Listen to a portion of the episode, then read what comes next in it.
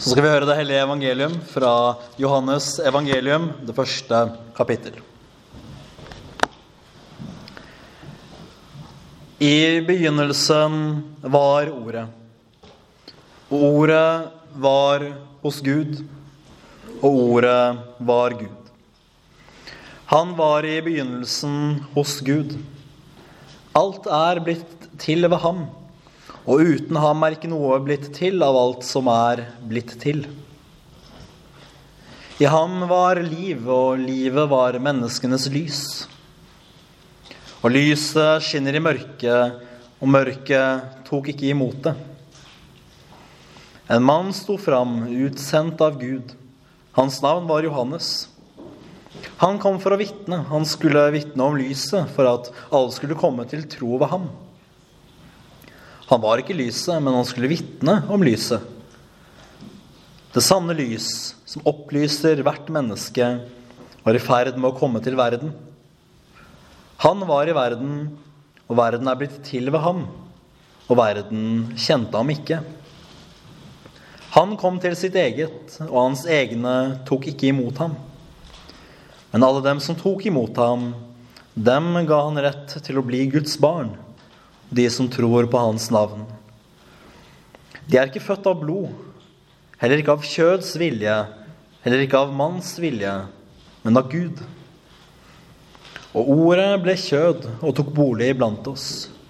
Og vi så hans herlighet, en, en herlighet som den en enbåren sønn har fra sin far, full av nåde og sannhet. Slik lyder det hellige evangelium. Jeg innser jo at jeg burde ønsket meg en større sånn her til å legge ting på til jul. Det er ikke så god plass. Jeg er ikke sånn på generell basis tilhenger av å være sånn fryktelig personlig fra prekestolen, men når det er noen store forandringer man har gjort i eget liv, så bør man jo si noe for å berolige menigheten. Og ja, det stemmer, jeg har barbert meg. Og det er altså meg, og ikke en, en ny fyr som plutselig har dukket opp. Det håper jeg dere egentlig allerede har skjønt, da.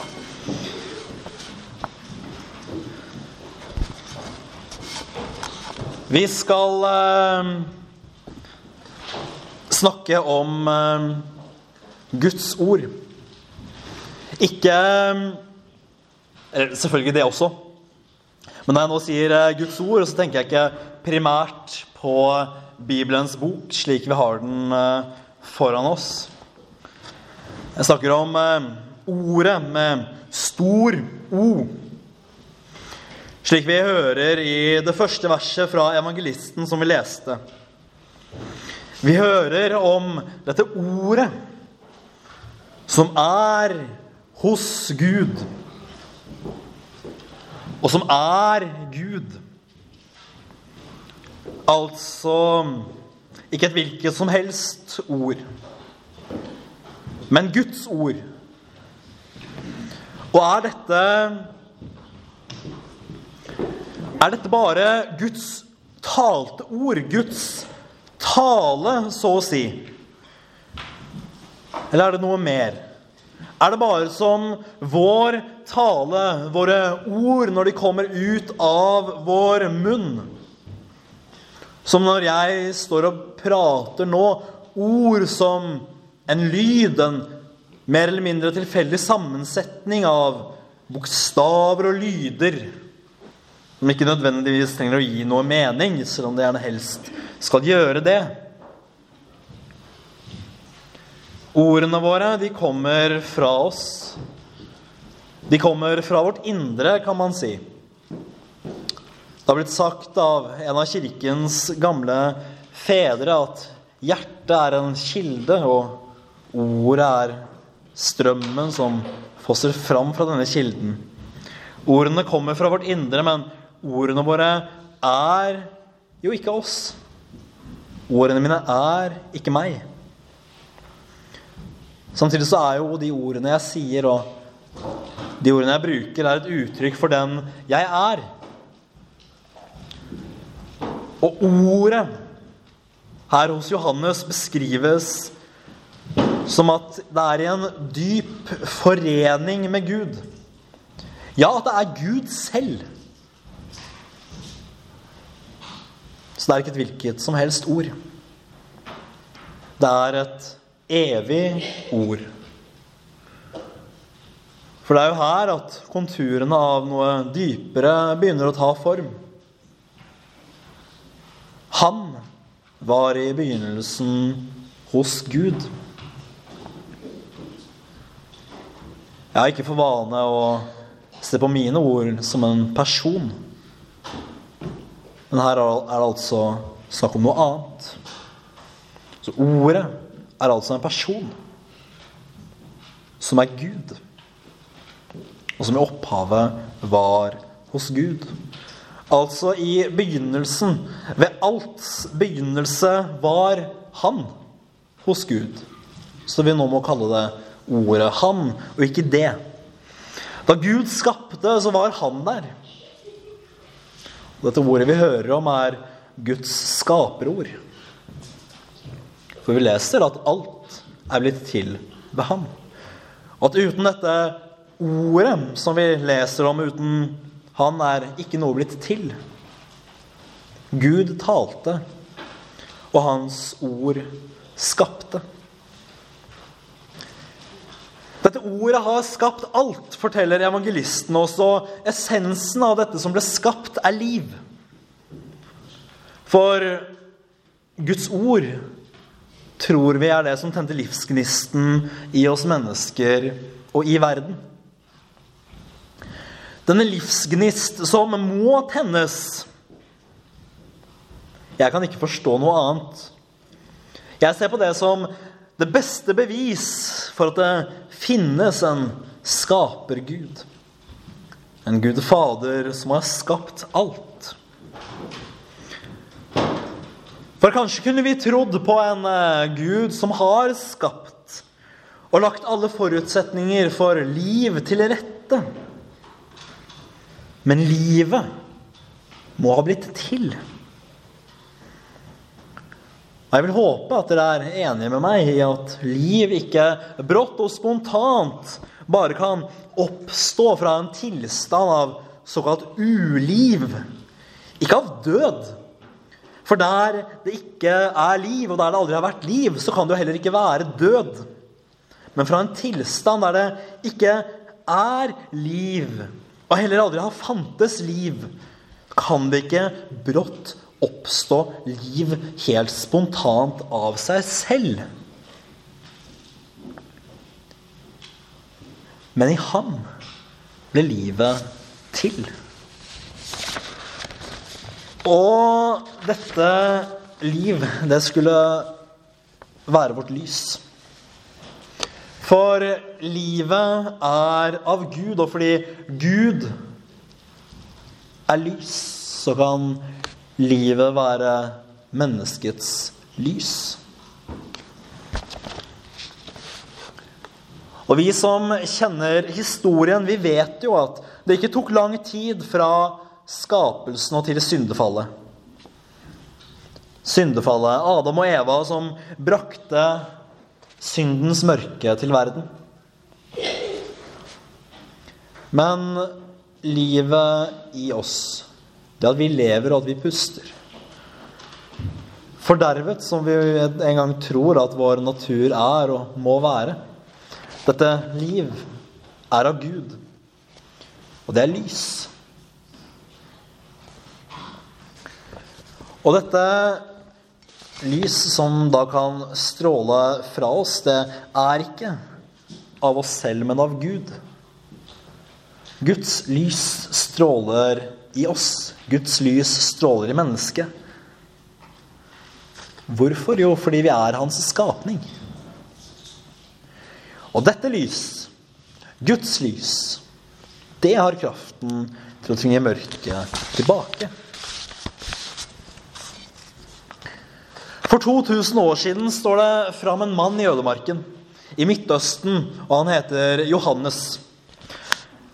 Han kan vi se for oss er sjuskete og fæl. Man skal ikke kalle mennesker for sjuskete og fæle, men eh, vi har anledning til å tro at Johannes mest sannsynlig var det. At han var en ordentlig så i alle fall ut som en ordentlig villmann. Skriften forteller at han gikk i en kappe av kamelhår blant annet, og hadde en litt spesiell diett. Men denne litt underlige karakteren, han er sendt av Gud for å forkynne. Han er sendt av Gud for å være profet. Han hadde et oppdrag, en, en tjeneste, som var hans, som han skulle være for. Han skulle forkynne for folket at lyset finnes, og at lyset skinner i mørket. Johannes er på mange måter den første som forkynner lyset. Han er den første som forkynner ordet. For ved ham skulle mennesker komme til tro på dette lys. Guds lys. Guds ord. Og denne vitnetjenesten den er viktig, og den tror vi at består fremdeles til i dag. Det er det jeg står og gjør nå, og det er det også alle dere kan gjøre. Vi kan fremdeles vitne om lyset og om ordet.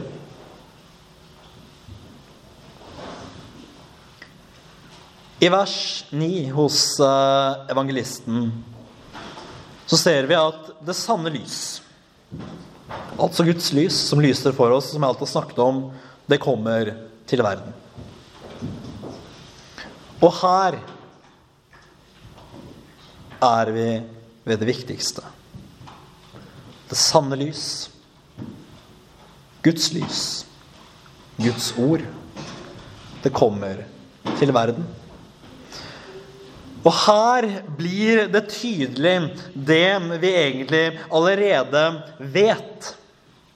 Og som den kristne kirke samstemmig har bekjent siden starten, at dette Guds lys, dette Guds ord, det er Jesus Kristus. Og dette her, det som skjer, det må være uten sidestykke den viktigste og mest omveltende begivenheten i verdenshistorien. Aldri før har dette skjedd. Kristus kom til det han hadde skapt. Han virket ved skapelsen. Ved ham er alt blitt til. Ved Jesus Kristus kan vi si skapte Gud faderverden.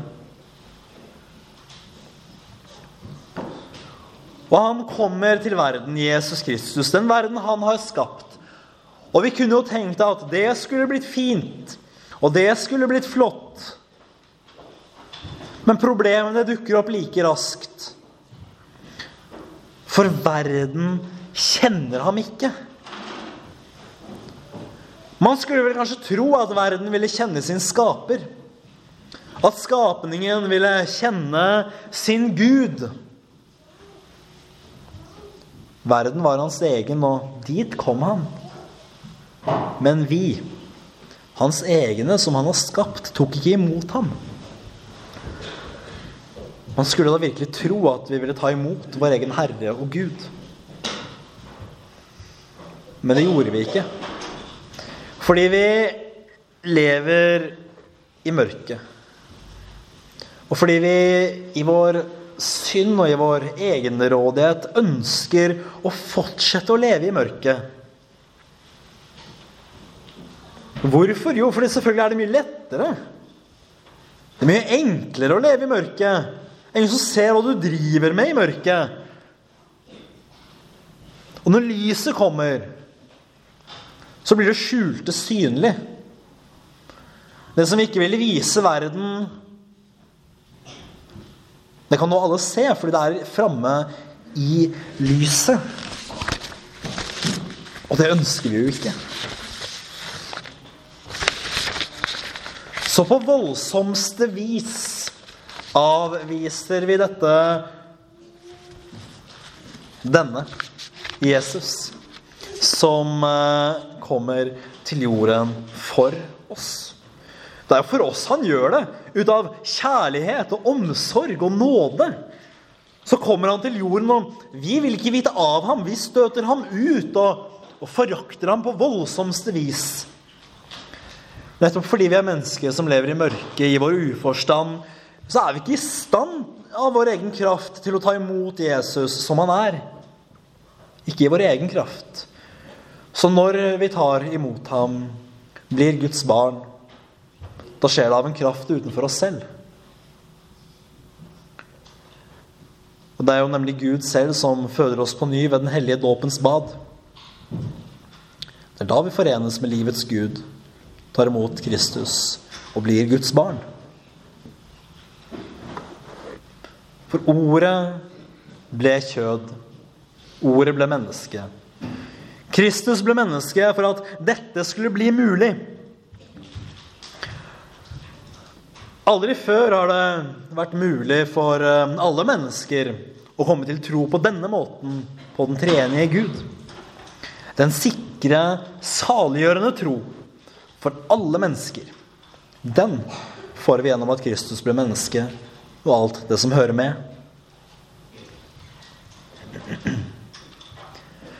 Men det er et grovt anstøt for verden og for oss mennesker at Gud skulle bli menneske. Vi kan ikke forstå det, og derfor enten så avviser man det kanskje, eller bortforklarer det. Men Gud selv ble menneske.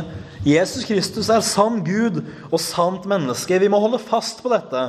At Kristus er den sanne Gud fra evighet av både Gud og menneske. Og vi er nødt til å holde fast ved dette og avvise alt som sier noe annet om Jesus. Og I kirkens begynnelse så var det flere som ville avvise det. De sa at Jesus bare er et menneske. Kanskje var han et spesielt menneske, men Gud var han ikke. Også i vår tid så er det flere som prøver å rote seg bort i bortforklaringer.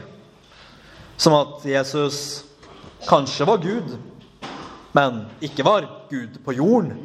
Eller ikke hadde guddommelige krefter da han var på jorden. Andre type ting.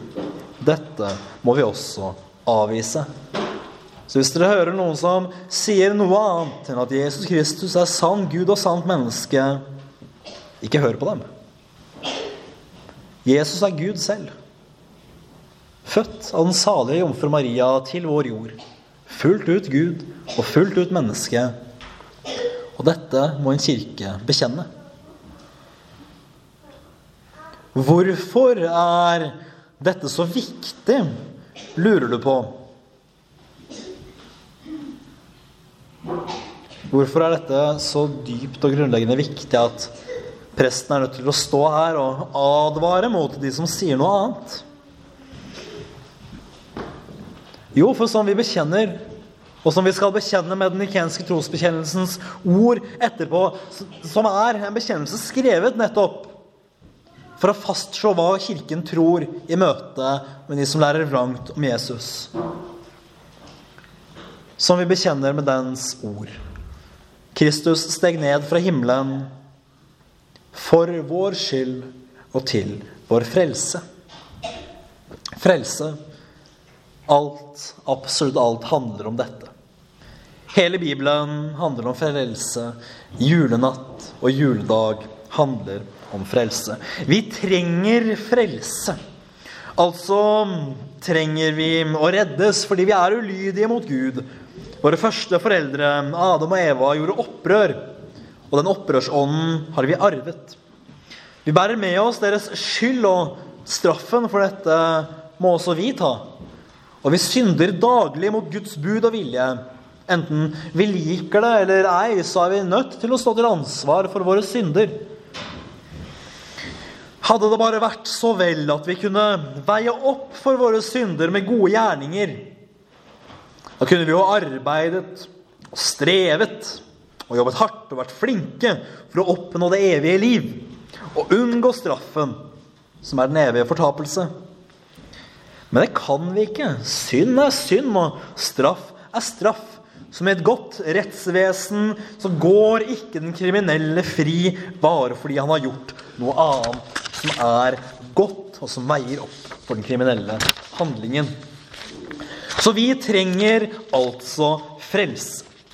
Fra våre synder og fra den evige fortapelse. Hvem kan frelse oss annet enn Gud selv? Kunne noe menneske gjort dette for oss? Kunne noe menneske frelst oss? Aldri i verden. Derfor er det så viktig at Jesus var Gud. Fordi virkelig ikke noe menneske kan gjøre dette. Derfor var det nødvendig at Gud selv, Jesus Kristus, steg ned fra himmelen. Født først som et lite barn, det er det vi minnes i disse dager. Vokser opp, forkynner det gode evangelium om syndenes forlatelse og Guds nåde. Hvem annen enn Gud kan forkynne sin nåde? Hvem annen enn Gud kan være nådig? Til sist så gir han sitt liv for å endelig forsegle dette evangeliet med sin død og med sin oppstandelse. På korset soner han straffen for alle våre synder, og det kan ikke noe menneske gjøre. Og Når vi tror på Jesus, så får vi del i det han vant for oss, evig liv og syndenes forlatelse. Men hvorfor er det nødvendig å tro på dette? Gjelder ikke Jesu offer på korset for alle mennesker? Jo, det er jo klart at det gjør det. Men troen er ikke bare tro på at det skjedde. Troen er dette. At vi fullt og fast må sette vår lit til at Jesu offer på korset sonet våre synder. At dette skjedde fordi Gud er nådig, og fordi vi ikke har fortjent det. Dette må vi tro fordi det er sant. Og troen den er nødvendig, fordi hvis vi ikke tror dette, da vil vi tro at vi kan frelse oss selv, og den som skal frelse seg selv, frelser ingen. Troen er troen på at Jesus er den eneste som kan frelse oss, og at han har gjort det. Derfor er troen så trygg. Derfor er troen en hvilepute for en sliten samvittighet. For en nådig Gud vi har! For en nådig Gud vi har, som gir oss denne trøstens evangelium, så vi kan slutte å streve for å fortjene vår plass i himmelen. Det undrer meg hvor ofte mennesker gjerne vil streve. Hvordan det er anstøtelig at nei, men, Må man virkelig tro på Jesus? Vil du virkelig streve? Vi trenger ikke streve, vi har Jesus. Vi kan hvile i troen på at Gud har satt alt i sin rette stand.